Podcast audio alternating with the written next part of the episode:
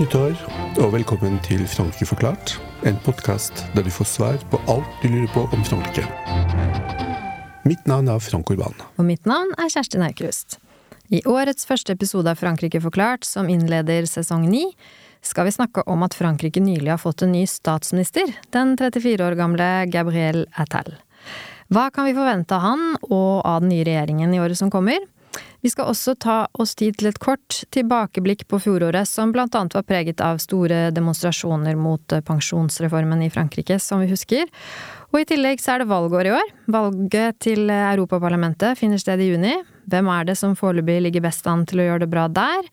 Og hva vil ellers prege Frankrikes innen- og utenrikspolitikk i løpet av året? Det skal vi få svar på eh, ved hjelp av vår gjest, eh, Tove Gravdal. Vi er veldig glade for å ha med oss eh, Tove som vår første faste gjest da, i året for å innlede 2024. Velkommen, Tove. Takk skal du ha. Tove er journalist, forfatter og Frankrike-kjenner. Hun, jobber, eh, hun, jobbet i en årrekke i Morgenbladet, der hun bl.a. dekket fransk politikk og samfunnsliv, og ga ut boken 'Til bords med de mektige', historien om Norge og FNs sikkerhetsråd i 2021. Sammen med Dag Nylander ga hun i fjor ut boken 'Ut av jungelen' om fredsprosessen i Colombia.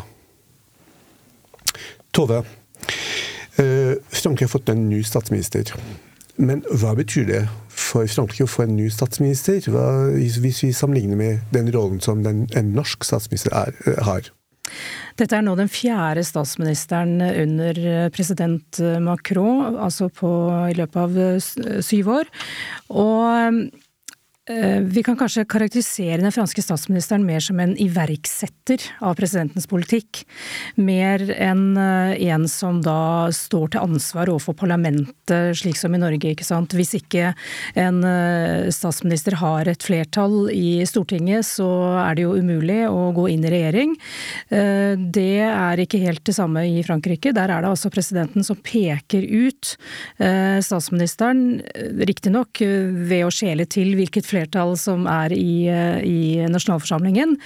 Men eh, det er først og fremst på en måte en operatør for presidenten, som da skal iverksette den, eh, den politikken som presidenten er valgt på.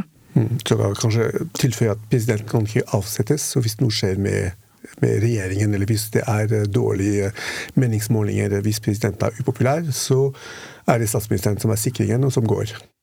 Samtidig som vi har sett at de gangene presidenten har tapt flertallet i nasjonalforsamlingen, det skjedde jo både under eh, Chirac og under Mitterrand, så blir det jo da en eh, statsminister fra den andre politiske siden, slik at de må gå i cohabitation. Så det er jo ikke Presidenten har jo ikke full handlefrihet, han, må, han er nødt til å skjele til hvilket flertall som er i nasjonalforsamlingen. Ok, så da, da har vi fastsatt, fastsatt at, eh, at, statsministerens rolle i Frankrike og i Norge er litt forskjellig. Eh, men nå har Macron valgt å bytte ut statsministeren. Og han har valgt å, å, å ta en ny, ung statsminister, Gabriel Attal. Eh, hvorfor var det nødvendig, tror du, for han, for Macron, å bytte ut forgjengeren, Elisabeth Barn? Var hun en dårlig statsminister, eller var hun veldig upopulær? Elisabeth Born hadde jo gjort det hun var satt til å gjøre gjøre. Å gjennomføre særlig to veldig kontroversielle reformer.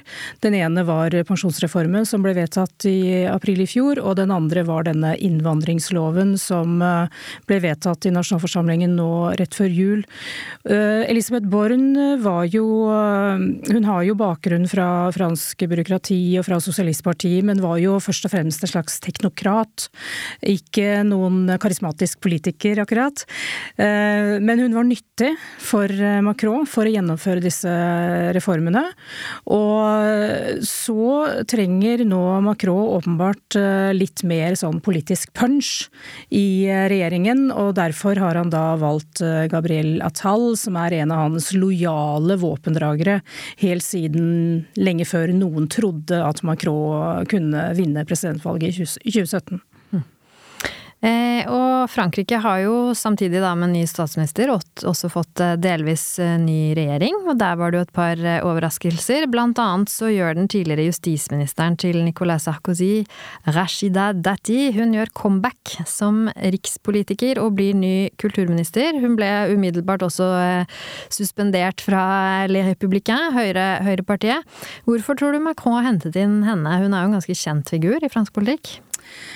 Det spekuleres jo i fransk presse på at, hun, eh, at det er som et resultat av en avtale med tidligere president eh, Sarkozy, og at eh, Macron da hjelper hans lojale støttespillere, altså Rashida Dati, på veien frem til at hun skal bli borgermester i Paris i 2026. Macron avviste på en pressekonferanse som han holdt 16.1, så avviste han at det var inngått noen slik avtale. Men det er vel mye som tyder på at Sarkozy har hvisket han eh, litt i øret. Det interessante også med den utnevnelsen, det er jo at dette var Macrons valg. Gabriel Atal var visstnok ikke ikke involvert i det valget av Rashida Dati. Det var et fait accompli som han fikk fra Macron. At eh, sånn er det, hun skal bli eh, kulturminister. Og eh, det sier jo litt om på en måte maktforholdet her. Altså, Atal er en lojal støttespiller for Macron, det har han vært lenge. Men han er ung, han fyller 35 år i april. Og, nei, i mars, tror jeg det er. Han fyller 35 år. Og han Eh, han er jo også, skal jo da også være et sånn redskap for å gjennomføre Macrons politikk, så det er jo Macron som sitter bak og trekker i trådene her. Mm, selvsagt. Hvilke andre endringer er det Macron har gjort i den nye regjeringen som er verdt å nevne? Jeg syns jo det, kanskje det viktigste å, å, å, poengtere først, det er jo eh, når det gjelder Gabriella Attal selv. Eh, han er åpent homofil. Det er første gangen Frankrike får en homofil eh, regjeringssjef. Eller det vet vi jo ikke, det kan jo ha vært homofile før, men han er åpent homofil i hvert fall. Og har tidligere levd i et samboerforhold, partnerskap, med Séjourné, som er overraskende ny utenriksminister. Han er heller ikke så gammel, 38 år, og har ikke så veldig bred internasjonal erfaring, egentlig. Uh, har mest erfaring med europapolitikk. Uh, det blir interessant å se hvordan han klarer å håndtere utenrikspolitikken. Igjen er det Macron som styrer, ikke sant. Vi vet jo at det er presidenten som styrer utenrikspolitikken i Frankrike. Men hvordan han vil greie seg internasjonalt nå i møte med alle krisene som pågår rundt i verden, det blir veldig interessant å følge. Eh, og så har du eh, et par andre litt overraskende valg. Denne nye utdanningsministeren, som riktignok satt i regjering allerede, og som har et litt vanskelig navn, Amelie Odea Castera, som er, har vært ute i hardt vær allerede fra dag én som, som utdanningsminister. Hun, hun, er en nark, altså hun har gått på eliteskolen ENA. Hun har sendt sine barn på privatskoler, og har og kom i hardt vær fordi hun eh, uttalte seg litt uheldig om eh, lærere som ikke stilte opp på jobben i den offentlige skolen. Og det er jo et veldig prioritert område. Igjen på denne pressekonferansen som Macron holdt 16.1, eh, så understreket han at skole det er hans viktigste tema. Og så har han da valgt en eh, utdanningsminister som kanskje i utgangspunktet ikke ser ut til å være den best egnede til nettopp å skape tillit i det, det store eh, offentlige skoleverket i Frankrike. Han har jo også slått sammen to departementer, da. Altså hun som du nevnte nå, var jo idrettsminister, og fortsetter å være det, samtidig som hun er utdanningsminister, og i tillegg er det OL i, i Paris i år, så det blir vel mye fokus på den idretten, da, og kanskje ikke så mye på utdanninga? Ja, det er jo det man frykter. Mm. At det kan bli mye OL og lite skole på henne. Og det samme har han jo gjort med to veldig, veldig store porteføljer. Eh, arbeid og helse, som jo er veldig overraskende. Og da er det en dame fra høyresiden, Catherine Vautrin, som eh, er en erfaren politiker, men også omstridt, bl.a. fordi hun tidligere i sitt politiske liv har vært eh, ganske konservativ når det gjelder homofiles rettigheter, f.eks. Eh, hun får nå ansvar ansvar for både helse og arbeid. Det er kjempeporteføljer! Og vi vet jo, altså i helsesektoren i Frankrike nå er det krise. Legene streiker jo stadig vekk, klager over dårlige arbeidsforhold og, og lave lønninger. Og mye står på spill i dette eh, tradisjonelt velrenommerte franske offentlige helsesystemet, hvor nå mye er i ferd med å rakne, ifølge de som jobber i sektoren. Det virker underlig, disse sammenslåingene Macron eh, prøver seg på nå, men eh, ja. Han kaller det jo en effektivisering, ja. at det skal bli mer eh, At det skal jobbes mer effektivt. Men det gjenstår virkelig å se om det blir resultatet. Det var jo et løfte i utgangspunktet som han ga til sjefen for Modem, Beiro. Beiro krevde at regjeringen skulle ha få ministre for å øke effektivisering. og Derfor så kom han med den første runden. Det vil komme en ny runde med nye utnevnelser på lavere nivåer. Så dette er ikke, det, dette er ikke sluttantallet på regjeringen på antallet ministre. Det kommer mer, eh, flere funksjoner. Men uh, jeg sjekket uh, Amelie Odea Castera. Hun har ikke tre porteføljer, hun har fire. Hun har uh, undervisning, ungdom, idrett og OL. Når det gjelder Atal, så kunne jeg tenke meg at du kommenterer én ting. Altså, hvis du ser på alle de statsministrene som kom før, de, jo, de kom fra høyresiden. Ikke barn, hun var jo fra venstresiden. Ja, men, men Atal er jo et Macron-produkt. Han er produsert av Macroni. Altså det, og Macron sa selv at han ønsket å komme tilbake til røttene. Eh, for å gi på en måte den siste delen av eh, mandatperioden en ny kurs. Eh, hva tenker du at hva betyr det egentlig at han har hentet flere medlemmer i, den, i regjeringen som, som, som, er skapt på en måte av Macron-fenomenet, som, som, han startet i, i 2017? Altså, Atal var jo sosialist. Han uh, var medlem av Sosialistpartiet og var politisk rådgiver for uh, helseministeren under uh, i Francois Hollandes regjering. Og så ble han skuffet og desillusjonert over, over Sosialistpartiet og meldte seg inn i Macrons bevegelse. Og det at Macron velger en sånn lojal fotsoldat som, som statsminister, er jo et tegn på at han nå på en måte konsoliderer eh, sine tropper. Og, og, ønsker å på en måte legge mest mulig slagkraft ved hjelp av lojale støttespillere inn i valgkampen, særlig mot europavalget i, eh, i eh, juni.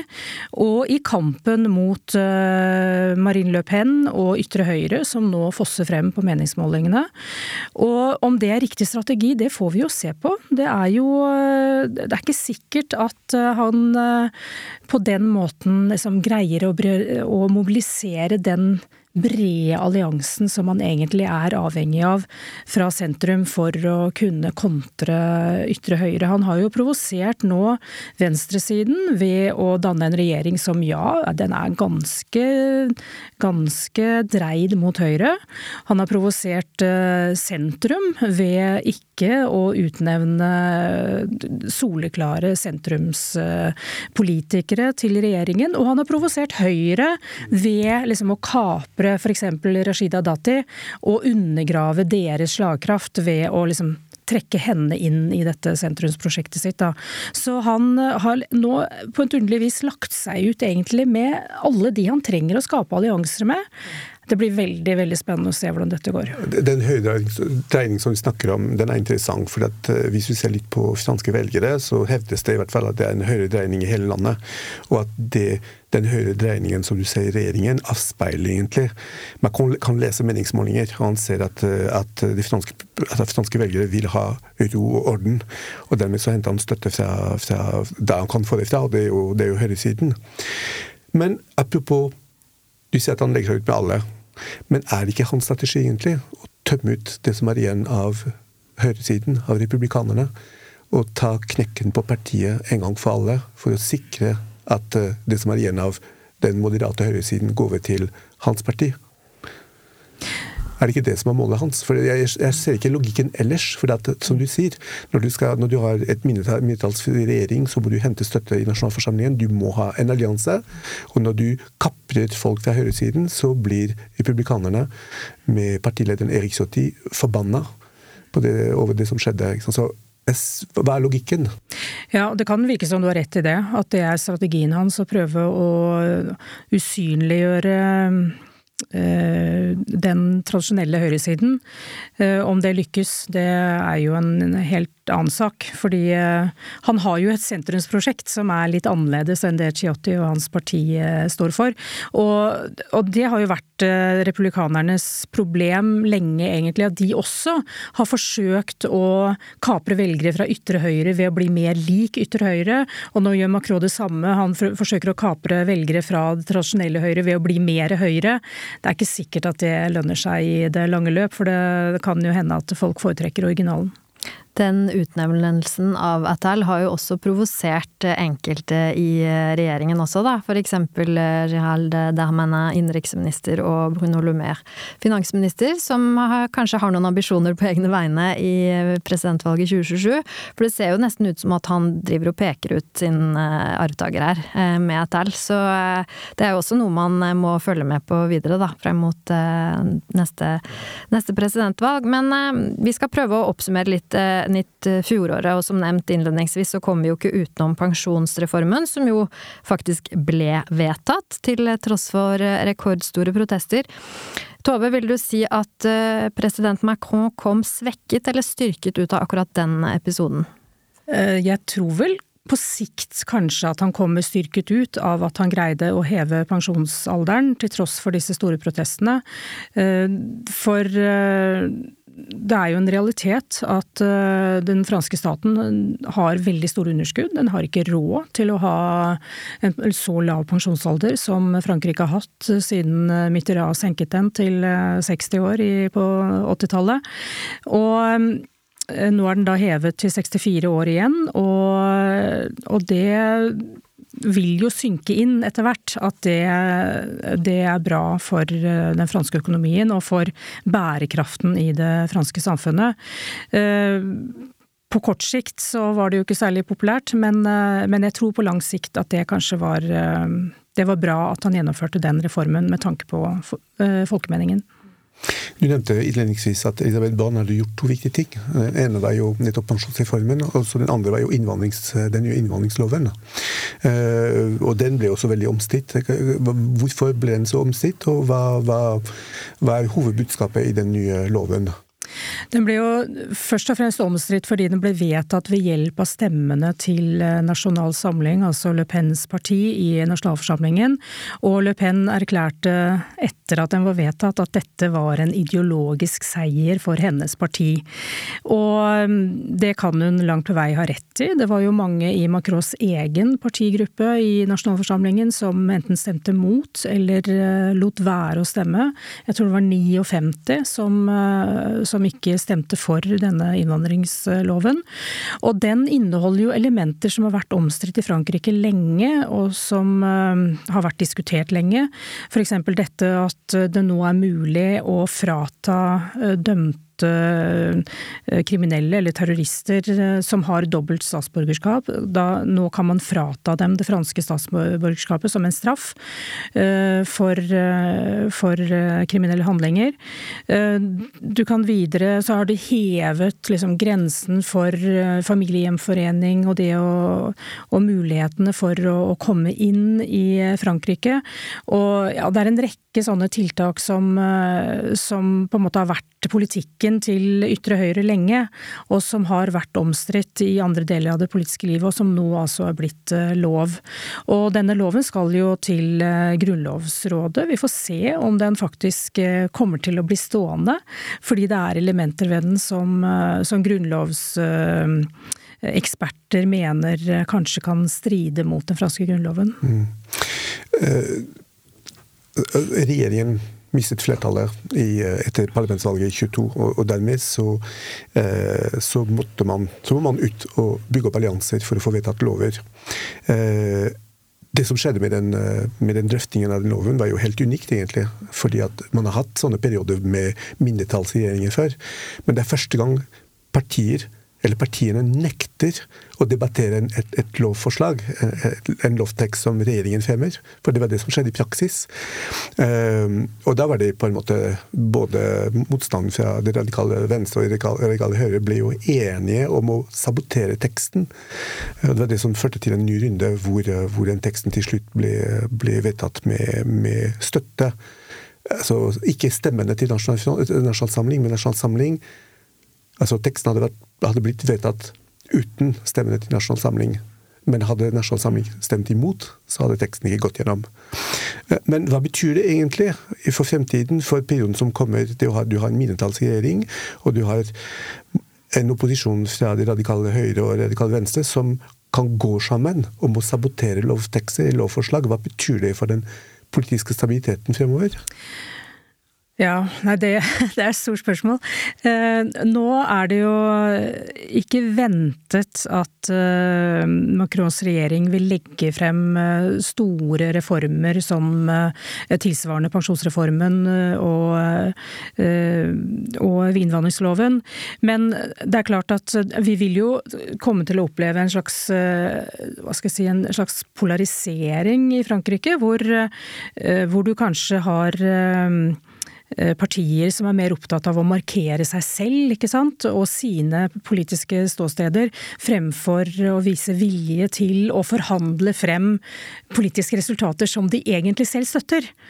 Og det er jo noe av det vi har sett i USA f.eks. Altså at uh, der har du riktignok et topartisystem hvor, uh, hvor, man er mer opptatt av å, å markere, markere, seg politisk enn å faktisk finne kompromisser og løsninger som er til alles beste, og hvor man får gjennom noe, og så må man gi seg på noe annet. Og det kan se ut til at du får den utviklingen i større grad også nå i Frankrike. Og det vil jo bare forsterke seg frem mot eh, valget, valgene i 2027, hvor eh, særlig venstresiden ikke sant, nå de jo, ligger jo helt nede. Og hvor kanskje noen i sosialistpartiet, det gamle sosialistpartiet ønsker å liksom begynne å bygge opp noe som kan få dem på plass igjen i det politiske landskapet i 2027. Og da er de ikke så interessert i å være med på kompromisser med den sittende regjeringen. Hva, hva, er problemet på venstresiden, mens vi er inne på det? Ja, Det er et stort spørsmål. Jeg synes det er helt utrolig at venstresiden nå, i en situasjon hvor ulikheten øker, klimakrisen øker, det er krig i Europa, og det er eh, Du kan mobilisere for sivilbefolkningen i Gaza. Og så greier ikke den franske venstresiden å bygge opp et eh, troverdig og slagkraftig politisk alternativ. Det er helt ufattelig i et land som har så sterke sterke venstretradisjoner. Jeg tror en viktig forklaring på det heter Jean-Luc Mélenchon, som er en eh, opportunist og populist, og som nå, særlig under eh, krigen mellom Hamas og Israel, har opptrådt eh, ganske uredelig på mange måter. Han har jo leflet med antisemittiske holdninger på venstresiden, altså blant venstrevelgere i Frankrike. Ikke og ikke klart fordømt uh, Hamas-angrepet den 7. oktober, og uh, vært utydelig og på den måten liksom diskreditert fransk venstreside på en måte som burde vært helt unødvendig. Det er ganske stygt å se, egentlig.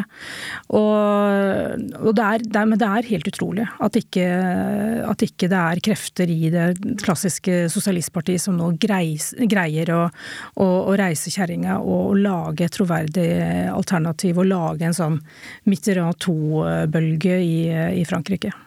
Hvis det er trøbbel innad på venstresiden, så ser det ut til å gå riktig så bra på ytre høyrefløy, må man vel eh, kunne si. Eh, på disse meningsmålingene til EU-valget i juni så ligger jo eh, Le Pens parti, Rassemblement National, langt foran Macrons parti, blant annet med Wonderboy Jordan Bardella, den nye partilederen i spissen. Hva er det de har gjort riktig, tror du? De har jo jobbet systematisk over lang tid, og dette har jo vært Marine Le Pens uh, ledestjerne siden hun overtok som partileder i 2011, var det vel. At hun skal på en måte gjøre seg selv til en troverdig presidentkandidat, og gjøre partiet til en troverdig maktutøver. Og det har hun jo greid på mange måter. Det er jo faktisk overraskende lite støy rundt alle disse, er det ikke 89 representanter de har i nasjonalforsamlingen. Det er overraskende få av dem som driver og lager skandaler. Hvis du sammenligner med Sverigedemokraterna i Sverige f.eks., så er det liksom Ja, det er, det er, overraskende lite støy rundt denne partigruppen. Hun har stålkontroll. Mm. Eh, nå har det riktignok kommet en liten skandale rundt eh, Jordan Berdella, som eh, Det var jo en, en TV En avsløring, en dokumentar på, på TV, at han har bestyrt en Twitter-konto som har distribuert eh, rasistisk og materiale, og hvor han har hyllet den gamle partilederen Jean-Marie Le Pen osv. Berdella selv avviser at han står bak denne anonyme Twitter-kontoen kontoen, men eh, jeg tror disse undersøkende, gravende journalistene i Frans Dø vet eh, hva de driver med, så det er vel ikke usannsynlig at han også nå har fått en liten plett på ja. sitt rykte, da. Men tror du det står i veien for eh, brakseier eh, for ytre høyre ved EU-valget? Nei, det tror jeg ikke. Det er, eh, da er det andre ting som må slå inn for å hindre at de nok en gang blir største parti ved, ved EU-valget. Det ble de jo forrige gang også, og, og, det ligger de an til å, å bli også nå i år. Mm. Ja, Hva betyr det foran EU-valget eh, e som er i juni? Hvordan tror du det vil slå ut? og hva er betydningen av det valget? Dette er jo, siste, dette er jo det nest siste valget Altså, du får, eh, får EU-valget i år, så får du kommunevalget i 26, og så får du presidentvalget i 27. Hvor mye betyr dette valget? Vi vet at det er et spesielt valg med, med eh, det er et proporsjonelt valg. Så det er et annet valgsystem. Det betyr ikke det samme som presidentvalget eller parlamentsvalget. Men, men likevel, hva, hva, hvor, hvor viktig er den hvor viktig er valget for fremtiden? Det er jo et barometer for, eh, for eh, tilstanden i det politiske liv i Frankrike. Og, og, det vil jo ikke være bra for uh, Macrons parti Renaissance, som nå ligger an til å få liksom rundt 18-20% i allianse med de andre sentrumspartiene. Og så ligger altså Le Pens parti an til å få 30% Og det er jo en, et styrkeforhold som eh, ikke er veldig bra for, eh, for Macrons eh, parti fram mot presidentvalget i, i 2027, og, og nasjonal, valg til nasjonalforsamlingen da. Og det gir jo Marine Le Pen en, et veldig godt utgangspunkt for den valgkampen som jo hun langt på vei er i gang med allerede, for å bli Frankrikes neste president. Mm. Og det er slik at Nasjonal Front og Nasjonal Samling vant de to forrige EU-valget. Mm. Ja. Så det vil være tre på, tre på rad. Tre på rad der. I 2024 så er det noen viktige hendelser og markeringer som vil finne sted i Frankrike. Vi har allerede vært inne på det første, eh, sommer-OL i Paris. Eh, det er også eh, året der 80-årsjubileet for D-dagen i Normandie skal markeres. Og gjenåpningen av Notre-Dame-katedralen i Paris vil også finne sted i desember. Hva tror du disse markeringene betyr for Frankrike, og, og hva tror du Macron har tenkt til å bruke dem til? Han har i hvert fall tenkt å bruke dem, og eh, så vidt jeg forstår så har han tenkt å invitere statsledere til å markere 6. juni i Normandie i år. Han kommer nok ikke til å invitere Vladimir Putin, men eh, Biden og Rishi Sunak, hvis han, hvis han fortsatt er statsminister, og den norske eh, statsministeren, helt sikkert og det blir det Altså Macron er jo veldig glad i sånne toppmøter, så han kommer til å være en beleven vert og kommer til å bruke det både til å eh, forsøke å få i gang forhandlinger kanskje og Midtøsten osv. I, eh, altså som sånne sideevenementer til selve markeringen. OL blir jo en veldig, veldig viktig sånn nasjonal hendelse for Frankrike. Og det er interessant igjen tilbake til den pressekonferansen som Macron holdt 16 januar, hvor han snakket om på en litt sånn ny måte for han. Eh, nasjonal identitet, og han var opptatt av at eh, kvinner må føde flere barn i Frankrike fordi vi må liksom opprettholde eh, demografien. Han snakket om at eh, barn må lære marseiesen på skolen, og, og, flere sånne ting. Litt sånne nasjonalistiske ting, liksom, som, som eh, er litt sånn uvant for Macron å snakke på den måten. Og, og OL kommer da liksom inn i den, eh, den samme retorikken da, og hvor det handler om nasjonal stolthet og stolthet over å være fransk. Og, og det er helt åpenbart at skal, OL skal brukes på den måten. Samtidig som det er enormt mye som står på spill foran OL. Altså franske politifolk Eh, har jo streiket allerede, har varslet streik igjen, fordi de blir beordret til ikke å ta ferie under OL. De må passe på eh, dette arrangementet. Og det er jo veldig stor risiko for terrorangrep under OL. Og, så det er veldig, veldig mye som står på spill for Frankrike under dette mesterskapet. Mhm. En annen utenrikspolitisk dimensjon er jo krigen i Ukraina og Palestina Eh, eller Hamas-Israel-konflikten. Eh, Frankrike hadde ikke nødvendigvis en tung rolle verken i, eh, i Ukraina-krigen eller i, i, konflikten i Midtøsten. Men hvordan tror du dette vil slå ut i året som kommer? Fordi vi, sannsynligvis så vil krigen i Midtøsten fortsette, og, og man kan forvente at krigen i Ukraina fortsetter òg. Macron skal jo reise til Ukraina nå i, eh, i, februar, og jeg tror nok han er en viktig støttespiller for uh, den ukrainske presidenten eh, Zelenskyj. Og han og Frankrike bidrar jo med ganske mye våpen til Ukraina, så det er ikke noe tvil om at at han spiller en viktig rolle, og også når støtten til Ukraina fra, fra USA kanskje eh, reduseres og står i fare for å renne helt ut dersom eh, Donald Trump skulle bli president igjen, så, så er jo tross alt Macron en nøkkelperson i Europa for å opprettholde støtten til, eh, til Ukraina. Og så har han jo eh, noen utfordringer da på hjemmebane, fordi det er jo ganske sterke krefter i Frankrike, ikke minst da innen Marine Le Pens parti, som, eh, som mener at uh, Ukraina skal forhandle med Russland, og at uh, Europa skal også redusere støtten til Ukraina, og at man nå må finne en løsning på denne konflikten. I Midtøsten har jo Frankrike en litt mindre rolle. Der har jo Macron forsøkt å, å spille en rolle, men han, ikke, han, er vel ikke akkurat noen viktig aktør i mellom, eh, i krigen mellom Israel og Hamas. I 2024 så er det også presidentvalg i USA, og hvordan det ender vet vi ikke ennå. Men hva vil Trumps eventuelle valgseier kunne bety? Eh, ja, både til forhold til de konfliktene du nevnte nå, men også i forhold til USAs forhold til Frankrike, da. Vi husker jo at, eh, at, eh, Trump, eh, eller Macron, forsøkte seg på en bromance med Trump forrige gang, og det gikk jo heller dårlig. Hva tenker du der? Macron ble spurt om dette på pressekonferansen 16.1, og han sa at han skulle ikke blande seg inn i hvem amerikanerne velger som sin president, og han forholder seg til hvem de velger og samarbeider med den som blir valgt. Samtidig så sa han at Uh, uansett resultat, egentlig, så er USA mer vendt mot Asia. Det er endre, geopolitiske endringer. USA er også mer vendt mot seg selv og mm. mot Asia. Noe som gjør at Europa må styrke sin autonomi. Så dette er jo et konsistent budskap som Macron har hatt siden han ble president i 2017.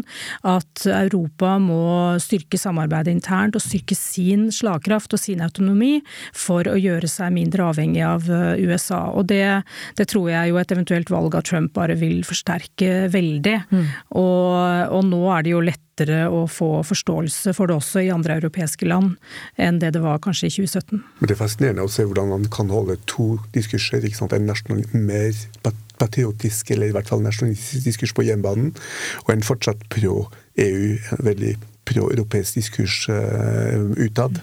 Ja. Eh, hvordan henger de sammen, det er litt uh, vanskelig å se. Men det er jo som du har skrevet om mange ganger, Frank, at uh, for Frankrike er jo EU bare en forlengelsen av den franske storheten. Så uh, det er ikke noe nødvendigvis motsetning mellom de to tingene. Godt poeng.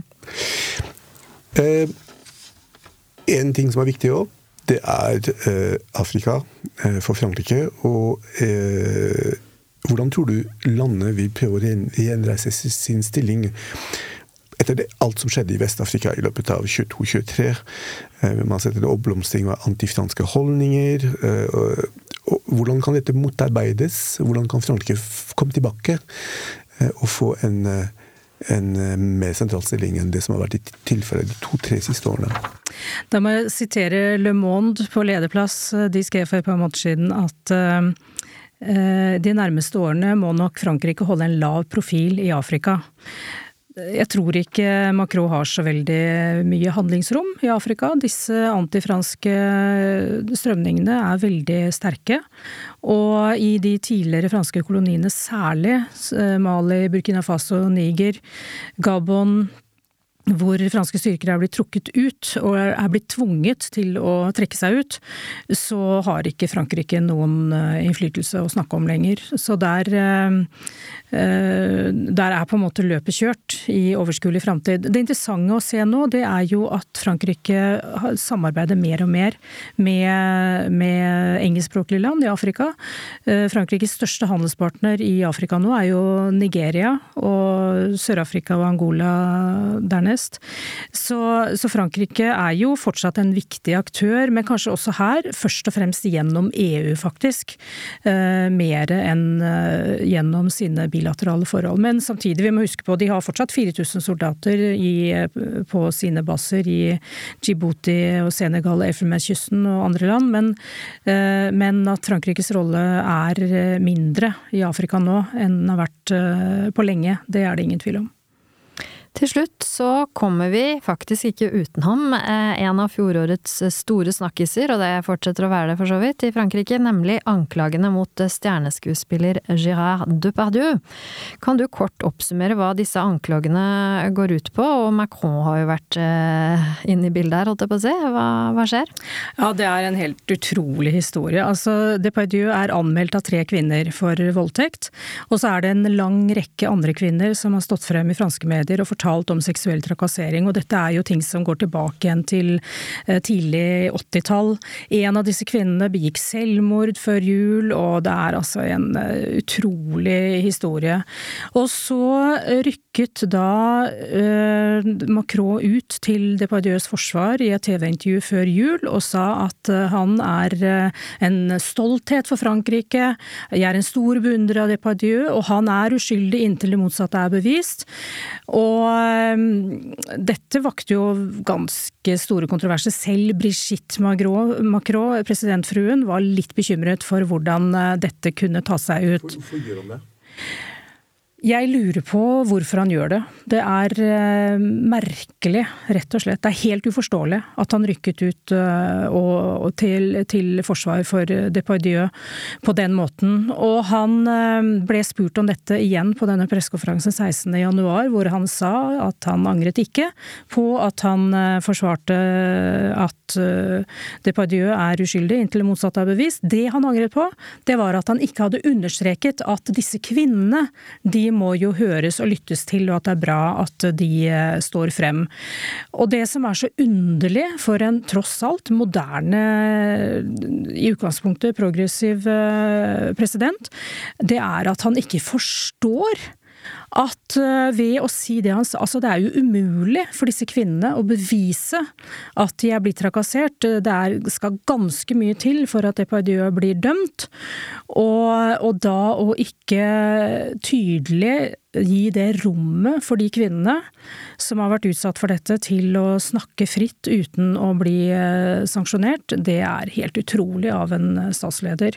Og så har det jo vært eh, flere episoder i, i forlengelsen. Altså det var et leserinnlegg i Le Figaro så til støtte for for Depardieu, som var undertegnet av 55 kulturpersonligheter, som ble møtt med et motinnlegg av 600 kulturpersonligheter.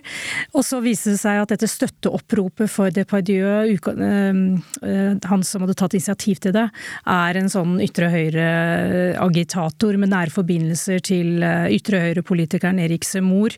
Altså det er en forferdelig historie. Og Så må vi huske på altså Depardieu, han er russisk statsborger, han er Putin-apologet. Han, eh, han, flyktet eh, fra Eller han forlot Frankrike som skatteflyktning, ikke sant. Og så tar Macron i forsvar. Det er ganske mye rart ved denne historien. Ikke bra Macron, og ikke bra Depardieu. Men det betyr i hvert fall en ting. Alt er politisk i Frankrike. det er helt klart. På slutten av hver episode ber vi vår gjest om å komme med en fransk eller frankofon anbefaling. Hva er din anbefaling denne gangen til våre, våre lyttere, Tove? Og jeg beklager, men den blir ikke frankofon, den blir engelsk. Fordi denne boken, eh, boken er, så vidt jeg vet, ikke kommet ut på, på fransk. Men den, er, den handler om Frankrike. Den heter Wine and War. Og den er over 20 år gammel, og jeg leste den ganske kort etter at den ble gitt ut. Og det er en fantastisk historie om vinprodusentenes rolle i motstandskampen under krigen.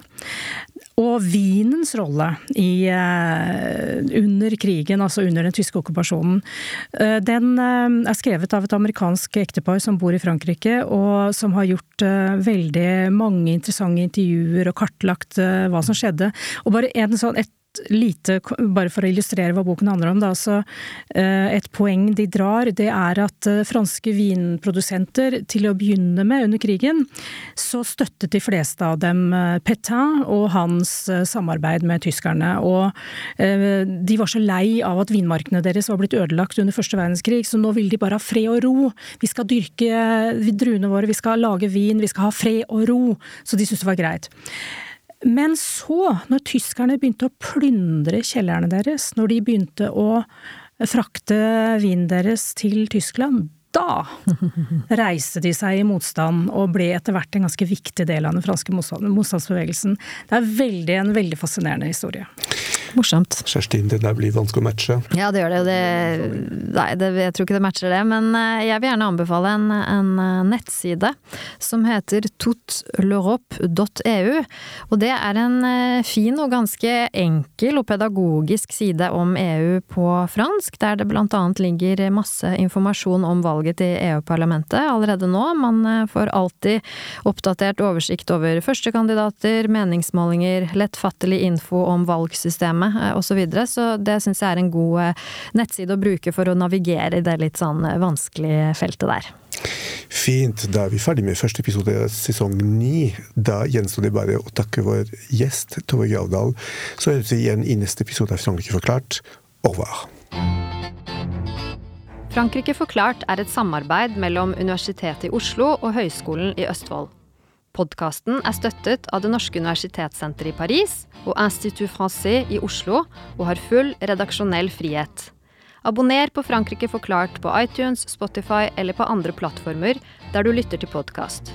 Har du kommentarer til oss eller forslag til temaer vi bør ta opp, kan du sende inn det via vår Facebook-side Frankrike forklart. Alle dagens referanser ligger på denne Facebook-siden og på nettsiden vår vi skriver en kronikk i forbindelse med hver episode som belyser dagens tema fra en litt annen vinkel. Kronikken finner dere på forskning.no, Transitmagasin og på nettsiden vår.